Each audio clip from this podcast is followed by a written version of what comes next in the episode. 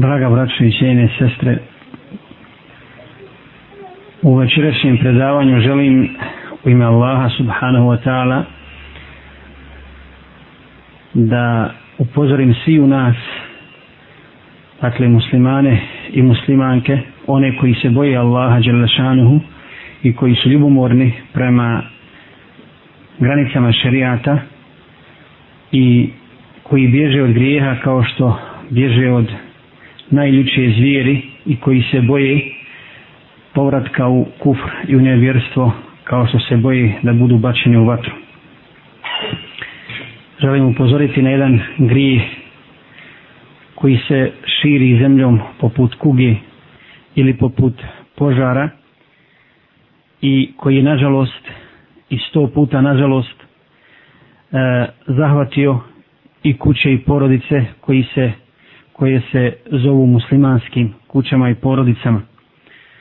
Taj grijeh, braćo i sestre, i to zlodjelo e, jeste blud, odnosno zinaluk, koje je najstrožije zabranio Allah subhanahu wa ta'ala iznad sedam nebesa, kada je objavio, a'udhu billahi mine šeitanir rajim, ولا تقربوا الزنا إنه كان فاحشة وساء سبيلا i ne približavajte se bludu, zaista je to ružan put.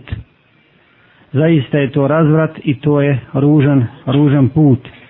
Dakle, Allah je zabranio zinaluk u Kur'anu jasnim i nedvosmislenim ajetom i riječima i njegov poslanik Muhammed sallallahu alaihi ve sellem je na oprosnom hađu braćo i sestre. Dakle, e, na mjestu gdje se opraštao sa svojima sahabima između ostaloga rekao, odnosno posle toga je se oprostio, odnosno otišao je s ovoga svijeta, vratio se Allahu subhanahu wa ta'ala, e, rekao između ostaloga na oprosnom hađu u svom poznatom govoru koji je ostao zapisan i zapamćen do naših dana, Ja ummete Muhammedin, wallahi, innehu la ahadu agjaru min Allahi, en jezni abduhu au tezni amatu O ummete Muhammedov, tako mi Allaha, nema niko ljubomorniji od Allaha Đelešanuhu, od toga da muškarac, odnosno Allahov rob, počini zinaluk ili da žena počini, počini zinaluk. Dakle, niko nije ljubomorniji od Allaha subhanahu wa ta'ala kad je u pitanju ovaj čin i ovo loše dijelo. Zašto, braćo i sestre?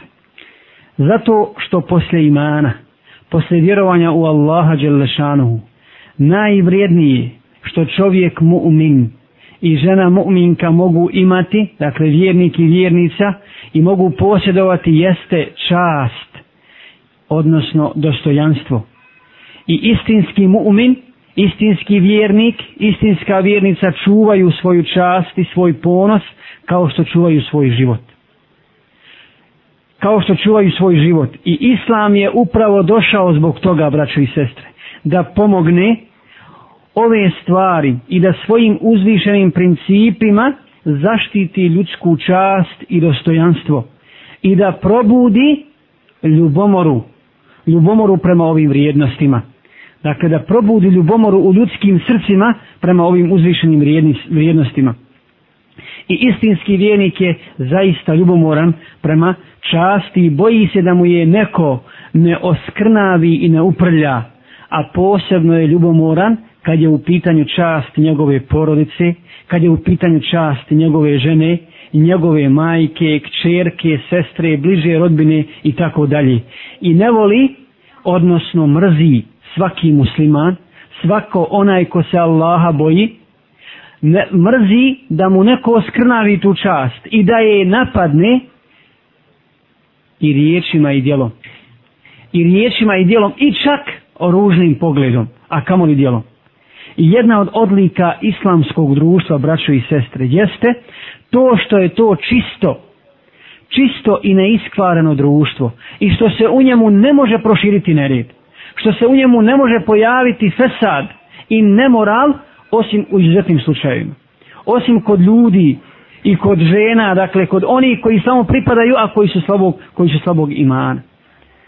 Međutim, kad se u takvom društvu proširi grijeh i razvrat, kao što se danas nažalost proširio, među onima koji pripadaju islamu, onda očigledno ne treba kriviti islam, nego treba kriviti one koji su okrenuli leđa islamu i koji slijede nešto drugo mimo uzvišene vjere islama.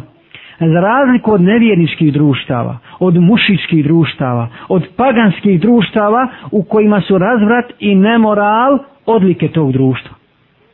To su odlike i simboli toga, takvog društva. Nažalost, mi živimo danas u takvom društvu gdje ne vlada Allahov zakon, gdje vladaju paganski zakoni i gdje je nemoral postao sasvim normalna stvar. Gdje je nemoral postao sasvim normalna stvar i sasvim prirodna stvar. I onaj ko se boji, bori protiv tog nemorala, po mišljenju onih koji su prihvatili ovakav način života u ovakvim društvima, sa njim nešto nije u redu. Sa njim nešto nije u redu.